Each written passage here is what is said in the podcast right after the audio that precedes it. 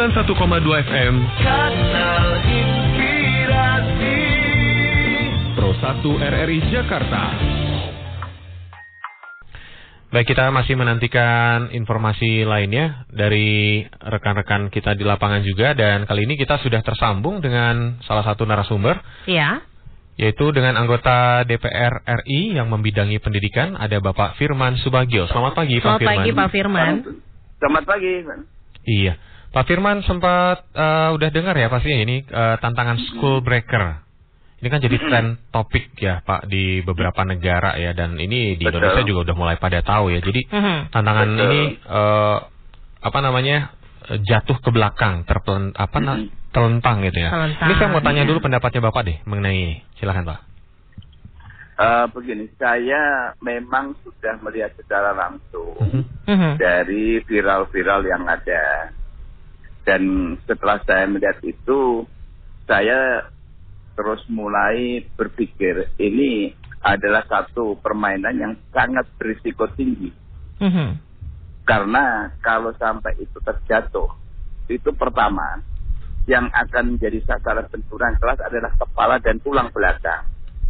Iya. Nah, padahal tulang belakang ini fatal. Dan ternyata betul bahwa setelah kami dapat viral lagi, itu dilakukan oleh warga negara India atau Pakistan, dan itu terjadi dan langsung seketika meninggal dunia. Artinya bahwa hal-hal seperti ini, kalau kita lihat dari sisi positifnya adalah agar ini menjadi pembelajaran tidak diikuti oleh anak-anak kita. Karena anak-anak muda kita, bahkan mungkin orang-orang tua di kampung-kampung itu mudah terpengaruh mengikuti istilahnya itu bercandaan melalui seperti ini, backpacker ini. Ini bahaya.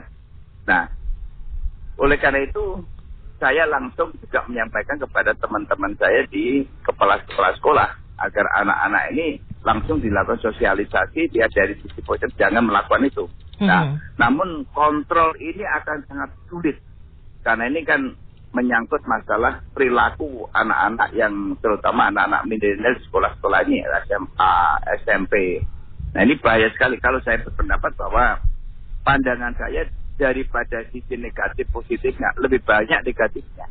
Mhm. Karena kita ini lemah dalam fungsi kontrol. Sekolah pun begitu. Tidak mampu mengontrol anak didiknya. Bahkan sekarang ini kan sudah terjadi. Bully membuli saja kepala sekolah tidak mampu berbuat apa. Pak saya khawatir kalau ini akan ditiru.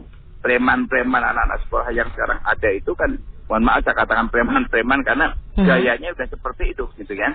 Menyekam Ya. ya menyekam sama temennya sendiri terus kemudian nanti dimasukkan ruangan terus kan diminta untuk melakukan big data seperti itu kan bahayanya risikonya akan tinggi. Nah oleh karena itu ini menurut saya hal seperti ini kita serahkan kepada pemerintah dalam hal ini Menkominfo supaya viral-viral seperti ini juga jangan sampai terus menjadi viral yang ya konotasinya negatif tadi diikuti dan anak-anak atau orang-orang yang tidak tahu tindak risikonya. Ini risiko kematiannya cukup tinggi. Mhm. Ya. Ya. Ya. Iya. Dan eh, kalau melihat begitu ya Pak, ini mengingat challenge banyak dipelajari anak-anak ya atau remaja via TikTok, YouTube, Instagram dan Twitter. Nah, bagaimana ke depannya regulasi terkait konten parental control ini? Ya, ini regulasinya ini ya, regulasinya ini memang agak agak sulit. Ke mana arahnya? Karena ini kan sifatnya ini kan bukan bukan menjadi satu hal yang sifatnya permanen. Mhm.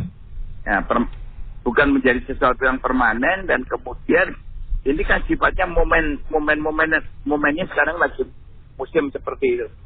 Mm-mm. Mhm. Ya Pak. Jadi ini yang bahaya. Mhm. Nah ini dari regulasinya ini kita juga sedang kalau ini dibikin regulasi aturan, kalau ini kan sifatnya tidak permanen, itu seperti muncul musiman aja nanti habis hilang ada yang mutus lagi. Ini kan Mhm. sulit untuk mengatur sebuah regulasinya. Gitu. Ya. Eh, Oke. itu. Pak Firman, medsos ini kan seperti aplikasi TikTok yang memang sering kali digunakan untuk menampilkan video school break challenge ini ya Pak ya. Ini dampak perkembangan teknologi informasi yang nggak bisa dihindari lah, bisa dibilang gitu ya. Bagaimana agar medsos dan internet tetap dapat dimanfaatkan untuk mendorong kreativitas dan penggalian informasi sebagai bahan ajar, Pak Firman? Nah, nah ini betul nih.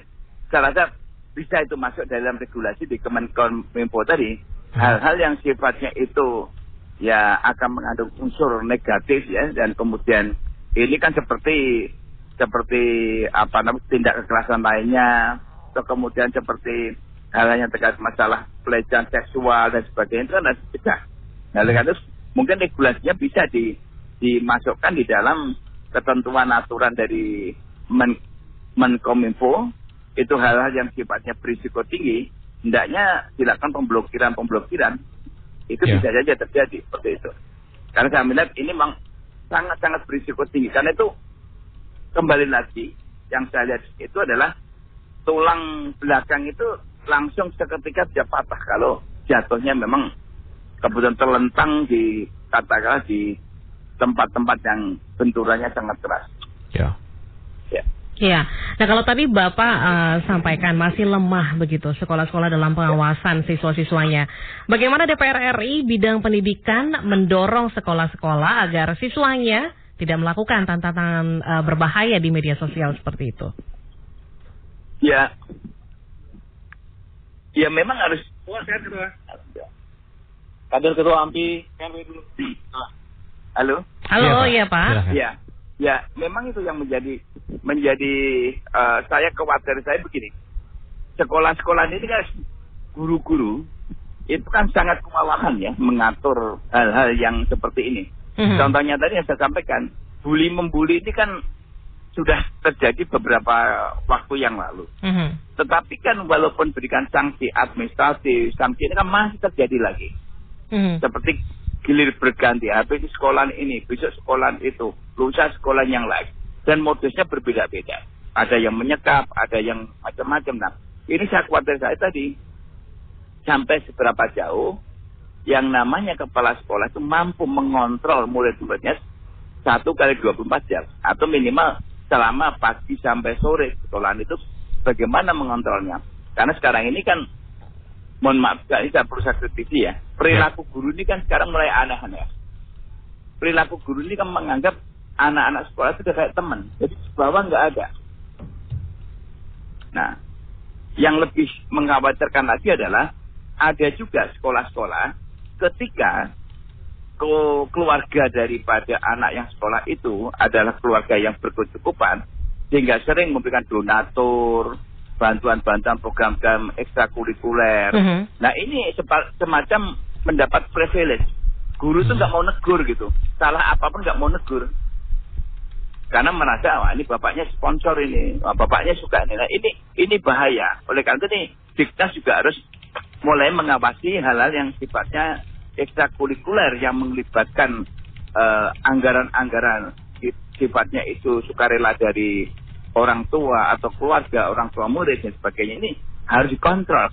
Karena kalau tidak, dampaknya tadi orang yang sering memberikan bantuan-bantuan, ya orang yang sering memberikan eh, dukungan juga dalam bentuk kegiatan ekstrakurikuler, mungkin nyumbang dan sebagainya, itu anaknya mendapat perlakuan khusus. Jadi kepala sekolah pun ada unsur pembiaran, jadi Ya.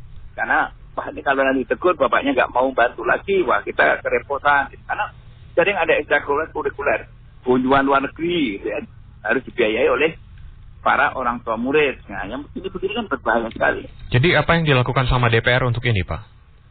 Nah, tentunya kami minta kepada komisi terkait, apakah komisi terkait ini sudah melihat sampai sejauh itu atau tidak? Mhm. Kalau saya terus kan pernah menjadi eh, ketua organisasi orang tua murid, jadi betul-betul bisa merasakan karena memang hal-hal seperti ini juga terjadi permintaan-permintaan bantuan-bantuan yang sifatnya bukan menjadi bantuan wajib gitu loh. Iya. Nah ini. Sukarela. Mhm. Nah kalau menurut Bapak, apakah sudah tepat eh, sekolah melarang siswanya membawa handphone ya atau melarang mungkin untuk melakukan eh, challenge di TikTok? Padahal kan sekolah justru harus menjadi tempat yang tepat untuk penggunaan medsos yang baik kepada para siswa.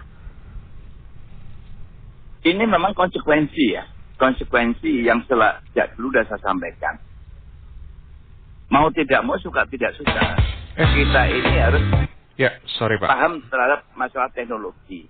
Mhm. Dan Hmm. teknologi ini memang mempercepat komunikasi dan juga pembelajaran kepada murid-murid kita, anak-anak muda kita, atau pelajar-pelajar kita. Tetapi di dalam alat-alat komunikasi yang di dalamnya itu ada unsur pengembangan IT-nya, ini juga hal-hal yang sifatnya negatif itu juga bisa menjadi eh, pembelajaran yang tidak baik bagi anak-anak sekolah. Oleh karena itu tadi mesti harus ada pemblokiran pemblokiran terhadap situs-situs tertentu yang memang itu sering memunculkan hal-hal yang sifatnya itu tidak patut dan tidak layak untuk ditiru oleh anak-anak. Baik. Dan Iya. memang ini memang harus hati-hati betul mencari celah karena kalau kita melarang artinya anak-anak kita kan tidak ya boleh dibilang tidak respon terhadap teknologi. Mhm. Nah ini kan bahaya juga akan menghambat pendidikan karena saya juga terus terang jujur mengatakan kita punya keluarga yang anak-anak SD SMP sekarang itu udah yang namanya teknologi itu dah bukan bukan sesuatu yang yang dianggap eh, apa istimewa tapi anak-anak kecil sekarang ini anak SD anak TK saja TK besar itu memainkan handphone mencari YouTube dan luar biasa pinternya Mhm. Ya. Nah, kalau ini seperti ini tidak ada batasan-batasan memang agak berisiko. Baik. Pak Firman terima kasih banyak untuk waktunya pagi ini. Baik, terima kasih. Selamat Iya, pagi, selamat, selamat beraktivitas pagi. kembali, Pak.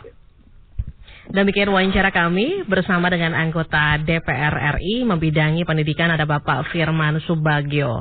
Dan eh, tentunya masih terkait dengan topik yang sama ya. Pagi hari ini tadi apa yang disampaikan oleh Pak Firman memang ini perlu ada menjadi perhatian ya bukan hanya mungkin orang tua Ya. tapi dari pihak sekolah juga ya untuk bisa eh, memberikan aturan-aturan khusus kepada siswa-siswanya dan ini yang kita harapkan bisa saling bersinergi tentunya ya Mm-mm. satu sama lain tentunya. Tapi mungkin kalau dari sekolah sendiri kan kalau guru sama murid ini kan sekarang apa namanya sedang eh, apa ya kalau dibilang kalau tadi kan soalnya Pak Firman bilang guru sekarang suka aneh soalnya menganggap siswa sebagai teman. Mungkin Mhm. lebih ke arah apa ya guru harus punya benar-benar wibawanya ketika Iya. murid itu memang mau ngajakin main atau bercanda ya tetap dalam batasan anda murid saya guru Mhm, gitu ya Harus tetap juga ada etika-etika ya yang tetap berlaku di sekolah walaupun mungkin ya dengan caranya si guru itu biar lebih dekat dengan siswanya Mhm. tapi bagaimana siswa juga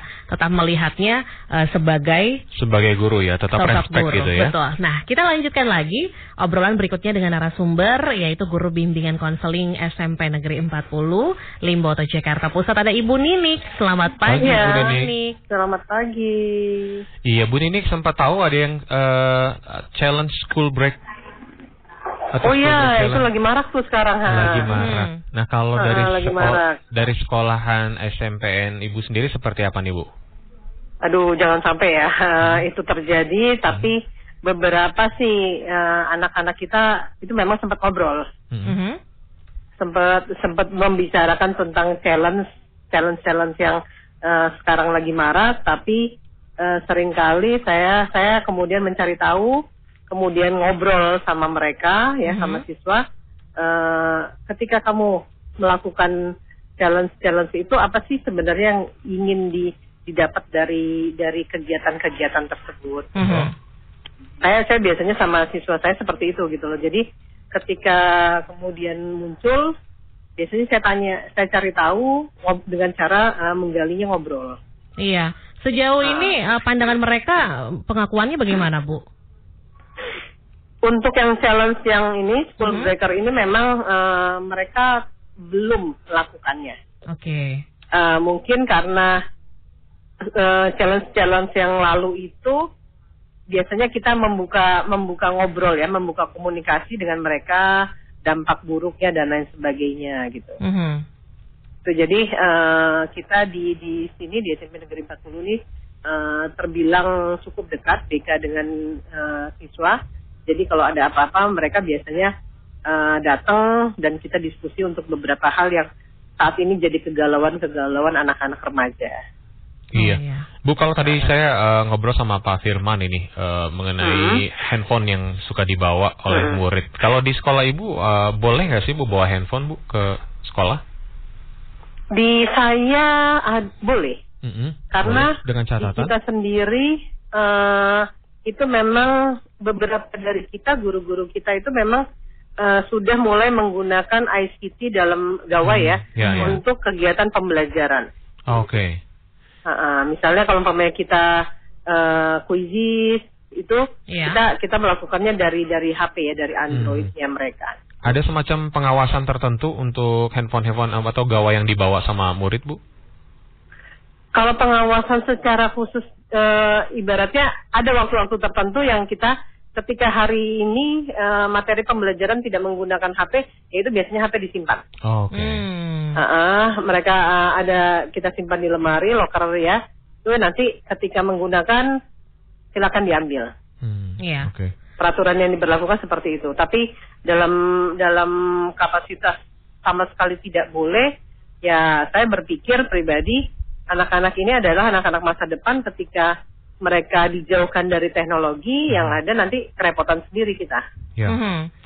Apa sempat eh, jadi pembahasan juga nggak Bu nih dengan siswa-siswa yang ada di SMP Negeri 40 ini terkait mengenai eh, membiasakan dan eh, mendidik siswa begitu ya untuk bisa menggunakan media sosial secara baik. Kebetulan kalau untuk di BK sendiri, ketika mereka sudah istilahnya mereka ketika dari SD kan biasanya kan memang sudah sudah menggunakan media sosial ya, Mhm. entah itu Facebook, kemudian sekarang mun- tu- mungkin sudah beralih ke Instagram dan lain sebagainya. Nah kebetulan di di BK sendiri itu kan kita memang ah, ah, punya materi yang bagaimana mereka memanfaatkan eh, internet itu sendiri. Mhm. Jadi saya biasanya melakukan dalam bentuk kegiatan kegiatan materi pembelajaran yang mereka akhirnya dapat pemahaman apa sih ba- dampak baik dan buruknya dari penggunaan eh, ICT khususnya internet ini. Mhm. Ya. Jadi pembekalan saya ke anak-anak ini ya seperti itu. Apabila di dalam proses KBM-nya entah eh, ada yang ketahuan eh, di di HP-nya tuh entah hal-hal yang nggak baik, Mhm. itu bagian dari pekerjaan lah gitu kalau saya ya berpikir Oke. gitu. Nah sejauh ini Bu kalau murid-murid di tempatnya Ibu ini sedekat apa nih Bu dengan eh, para guru mungkin ya karena eh, ada kecenderungan tadi juga disampaikan guru nih sekarang kok bisa menganggap eh, siswa sebagai teman. Ini sebaiknya kalau di tempatnya Ibu seperti apa? Se- eh, menganggap sebagai teman. Eh, kalau saya pribadi ya perjalanan menuju jadi temannya mereka itu memang ya terbilang lama ya. Saya di sini tuh kebetulan udah 20 tahun. Di Hmm. SMP Negeri 40 20 tahun. Nah, merubah pemahaman anak-anak, siswa dan orang tua bahwa BK itu temannya mereka itu memang agak sulit. Tapi eh, saya melakukannya dengan cara masuk ke dalam dunia mereka Mhm. Mhm. mereka sekarang bisa dimasukin melalui media sosial. Ya mau nggak mau saya aku eh, ada di dalam media-media sosial mereka yang akhirnya nanti kadang-kadang saya ikut komen apa seperti apa nanti akhirnya mereka memiliki dek- sedikit kedekatan sama saya. Hmm. Hmm. Itu yang biasa saya lakukan gitu. Ini artinya fine aja kalau guru berlaku sebagai temannya mereka juga gitu ya Bu ya? Iya, alhamdulillah sih seperti itu. Tapi Hmm. tetap eh, mereka yang sejauh ini eh, saya, mereka cukup paham kok, tahu Ya. batasan-batasannya eh, pada saat kapan jadi teman guru ini jadi temannya mereka, pada saat kapan guru itu ya posisinya tetap sebagai guru. Baik. Oke. Nah. Nah, Bu, kalau ada siswa yang ternyata eh, masih tetap nekat nih melakukan challenge berbahaya ya, dengan alasan mungkin Mhm. misalnya, wah takut dibully temannya gitu, akhirnya karena Mhm. ditantang ya kan. Nah, apa sanksi tegasnya, Bu? Kalau saya pribadi ya, mungkin di sekolah ya, di sekolah sendiri, eh, ketika pengaruh media sosial itu ki- kita tidak tidak apa namanya tidak antisipasi dengan eh, apa namanya eh, sosialisasi baik buruknya ya, mungkin kita akan ag- agak kaget ya. Dan mereka nanti dengan pemahaman kok semua dilarang, kok semua dilarang gitu loh. Ya. Mhm. Jadi yang yang biasa dilakukan adalah begitu ini mulai marah, kita sekolah akhirnya membuka satu komunikasi ke anak-anak. eh, kenapa tidak boleh dilarang? Kenapa akhirnya eh, beberapa challenge itu tidak di, di, di- diperbolehkan? Mhm. Jadi eh, kita biasanya antisipasi dulu dengan ngumpulin mereka, kemudian kita kita kita informasikan seperti itu biasanya. Baik, Bu Nini terima kasih Iya. banyak untuk waktunya pagi ini. Sama-sama, terima kasih. Iya. Semoga bisa bermanfaat. Amin. Insya Allah bermanfaat. Iya, selamat pagi, Selamat pagi, Bu Bu. Nini. Pagi. Ya, demikian wawancara kami bersama guru bimbingan konseling SMP Negeri 40 Limboto Jakarta Pusat, Ibu Nini. 91,2 FM Pro 1 RRI Jakarta. Dan masih menemani Anda dengan topik pembahasan pagi hari ini, waspada challenge TikTok berujung maut ya. Eh, tadi kami juga sudah sempat eh, ngobrol dengan narasumber-narasumber terkait Mhm. ya. Dan kali ini nanti kami juga akan eh, membahas lagi ya, Ya. terkait mengenai topik pagi ini. Ya, di ujung telepon sudah ada Bapak Bambang Nur Cahyo Prastowo, dosen IT, Pusat Kajian Informatika Sosial UGM. Selamat pagi Pak Bambang. Selamat pagi. Selamat pagi. Iya. Iya. Pak Bambang, ini kan kita lagi marak untuk apa namanya challenge yang berujung maut nih Pak. Iya, biasa dilakukan anak muda ya. Oh, oh, dilakukan sama anak-anak muda sekarang itu. Sempat dengar Pak ya? Ya, ada beberapa video beredar begitu. Tapi Mhm. kelihatannya Hmm? saya belum lihat apakah itu memang ramai di Indonesia ya. Ya, di kita lihatnya sih di luar ya. Kalau nggak salah satu di India, satu di mana gitu. Mhm. Betul. Eh, Pak, sebetulnya ini tanggung jawab siapa Pak terkait dengan tantangan-tantangan berbahaya yang ada di media sosial? Ya, saya kira ini, ini banyak ya orang-orang tua, Mhm. Eh, mungkin juga sekolah, eh, atau sebenarnya eh, termasuk, terus mohon maaf ini saya goes di jalan, suara saya jelas nggak ya? Iya, eh, jelas Pak masih bisa terdengar. Masih bisa. Oke. Ya, jadi em, apa kalau kita lihat di beberapa video yang beredar di internet itu kan sebenarnya tidak hanya yang negatif itu. Saya melihat ada banyak sekali video-video entah produksi India atau Vietnam atau Cina yang mengajarkan eh, kebaikan orang di jalan gitu kan. Nah, lihat Mhm. semacam itu. Mhm. Nah, eh, saya pikir kita tidak bisa dalam tanda kutip melawan eh, iseng-iseng atau usilan orang untuk eh, mengasalkan eh, Mhm. anak-anak kita, tapi eh, ke- kemungkinan juga ini tanggung jawab teman-teman yang punya fasilitas untuk produksi eh, media untuk Mhm. juga menyebarkan video-video atau semacamnya untuk eh, mengajarkan hal yang positif. Yang kemarin itu yang saya terima dari media sosial itu kan bukan video challenge-nya, Mhm. tapi serangkaian challenge yang kemudian eh, awalnya itu ada nuansa fun, lalu belakangnya ditutup dengan eh, kematian Hmm. dari korban. Jadi itu kan sebenarnya rangkaian video yang diedarkan untuk kepentingan pendidikan bahwa ini permainan berbahaya. Iya. Nah, Ya. mestinya eh, saya tidak tahu ini tanggung jawab siapa, tapi ada pihak di Indonesia yang memproduksi video-video pendidikan semacam itu, melihat sisi eh, kekacauan kalau ada hal-hal yang yang fun, yang viral, tapi punya eh, potensi resiko yang sangat tinggi. Iya.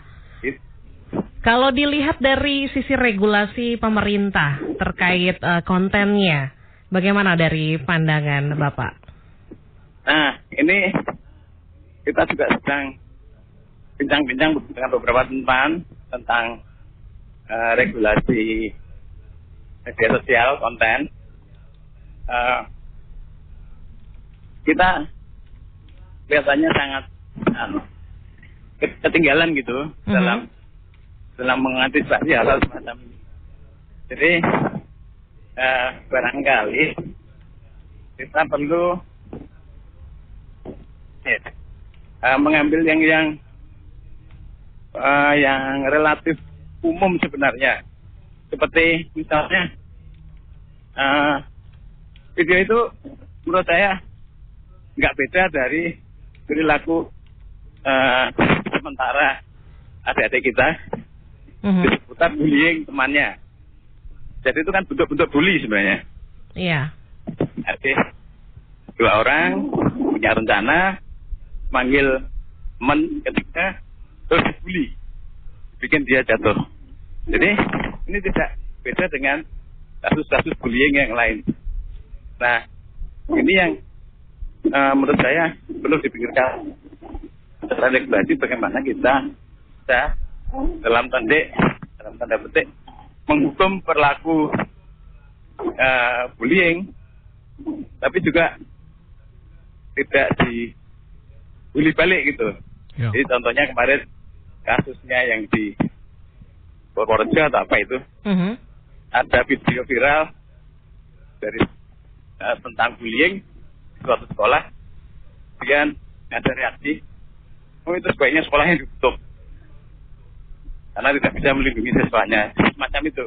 Jadi ini eh, langkah-langkah yang yang kadang bisa eh, berbalik gitu Ya. eh, dan memberi apa edukasi yang, yang tidak seperti yang kita harapkan awalnya. Ya, Pak Bambang, tetap harus ada tanggung jawab platform me- media sosial ya Pak atas konten yang berbahaya ini Pak. Ini dalam bentuk apa tanggung jawabnya Pak? Eh, media ah, ini platform media itu ada dua tanggung jawab. Mhm. Yang pertama itu kan mereka me- ah, mengiklankan servisnya sebagai servis yang secure, terenkripsi dan sebagainya. Sehingga pada dasarnya eh, komunikasinya itu komunikasi yang terenkripsi. Jadi tidak bisa di tidak bisa dikontrol, tidak bisa di eh, sensor dan eh, semacamnya.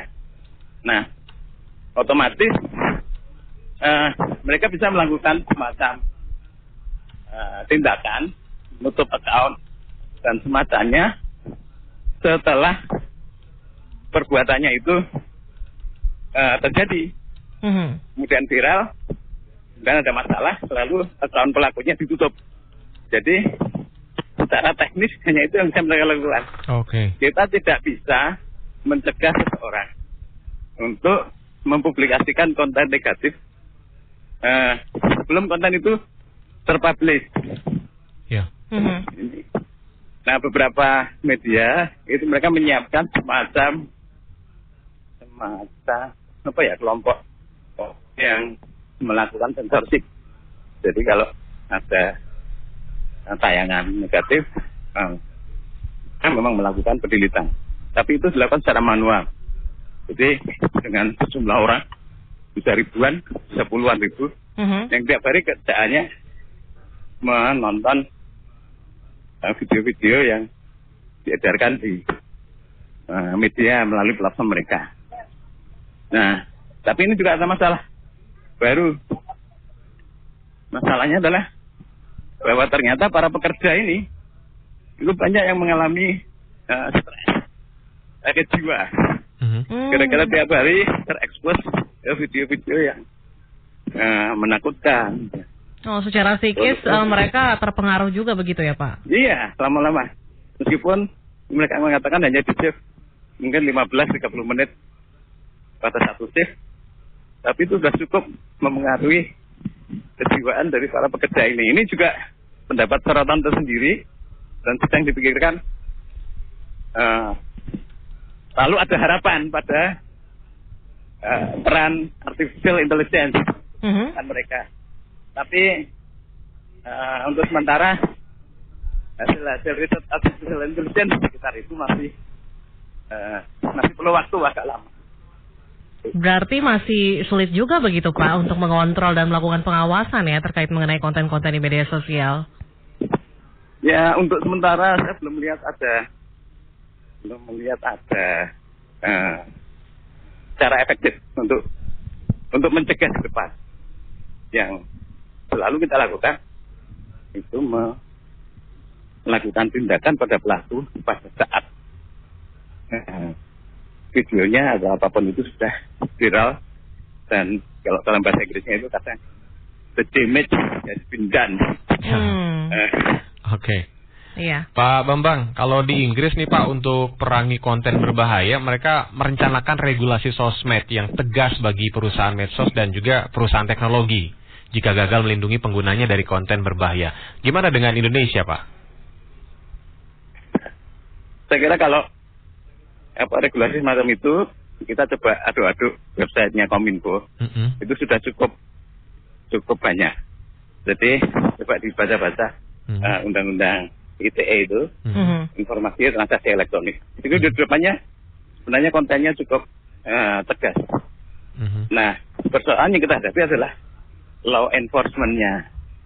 Bagaimana kesiapan dari teman-teman kita ke di polisian, kejaksaan dan sebagainya untuk eh, bisa me- menangkap pelaku-pelaku itu. Ya. Jadi sebenarnya kan yang challenge-challenge itu bukan iseng oleh adik-adik kita, oleh oleh para pemuda kita itu memang dikreat oleh eh, pihak tertentu untuk meningkatkan volume eh, akses ke sistem. Makin besar volumenya, makin besar keuntungan yang bisa diraih. Jadi peningkatan volume itu bisa apa saja. Jadi kok zaman kita dulu itu masa masih SMS itu kan kadang eh, puisi-puisi Mhm.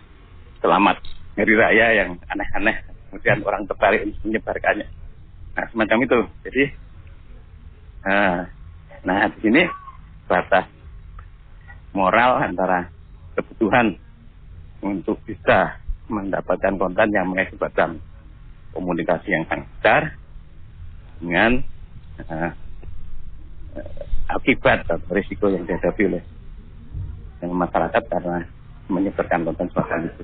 Iya. Nah, tadi kalau dikatakan law enforcement, ini yang seperti apa yang bisa bikin efek jerah, Pak?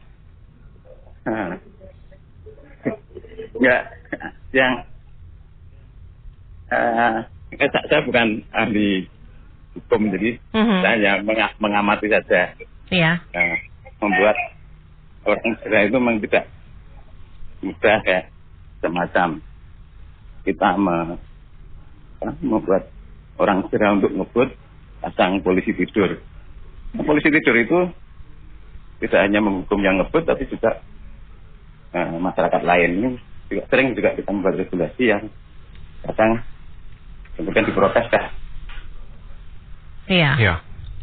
Baik. Pak Bambang terima kasih banyak untuk waktunya pagi ini, Pak, dan informasinya, Pak Bambang. Ya, sepertinya Ya. terputus ya. Eh, terima kasih Pak Bambang atas waktunya. Selamat pagi. Ya baik, Ah. pendengar eh, demikian tadi wawancara kami bersama dengan Bapak Bambang Nur Cahyo Prastowo, dosen Mhm. IT, Pusat Kajian Informatika Sosial UGM. 91,2 FM Kanal Inspirasi Pro 1 RRI Jakarta